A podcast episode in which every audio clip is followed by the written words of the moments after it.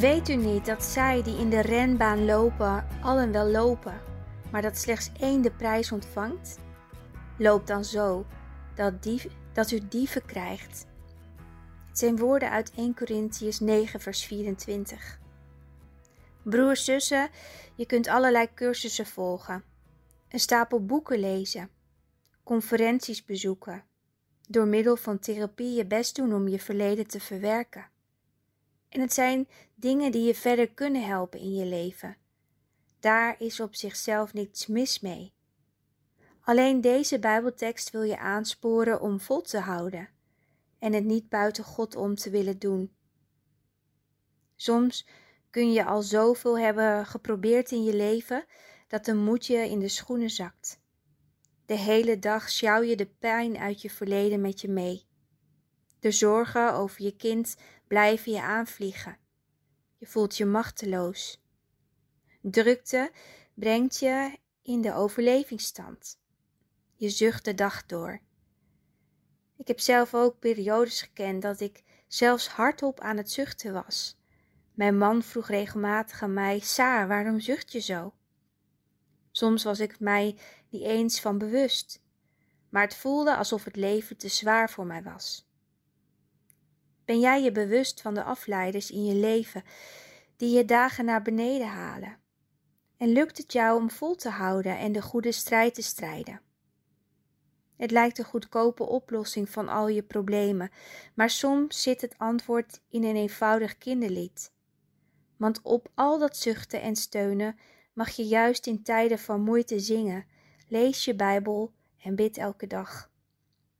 Door te zingen en vervolgens het ook in praktijk te brengen, blijf je bij de les. De Bijbel en het gebed mogen de motor zijn van jouw ziel. Voor de gezondheid van je hart is het noodzakelijk dat de woorden van God tot in het diepst van je leven doordringen.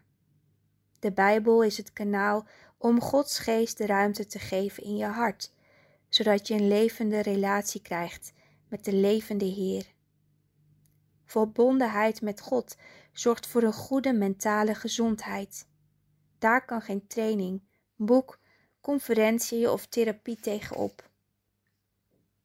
Ik realiseer me dat het lastig kan zijn om de Bijbel open te slaan in tijden dat je zuchtend door het leven gaat. Maar besef dan dat dit boek van eeuwigheidswaarde is. Een boek waar Gods liefdevolle stem in verweven zit.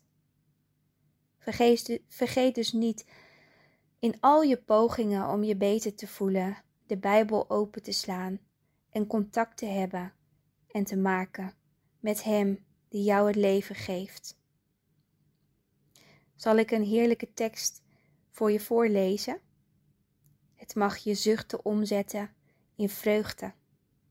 Het zijn woorden uit Johannes 7, vers 37 tot en met 38.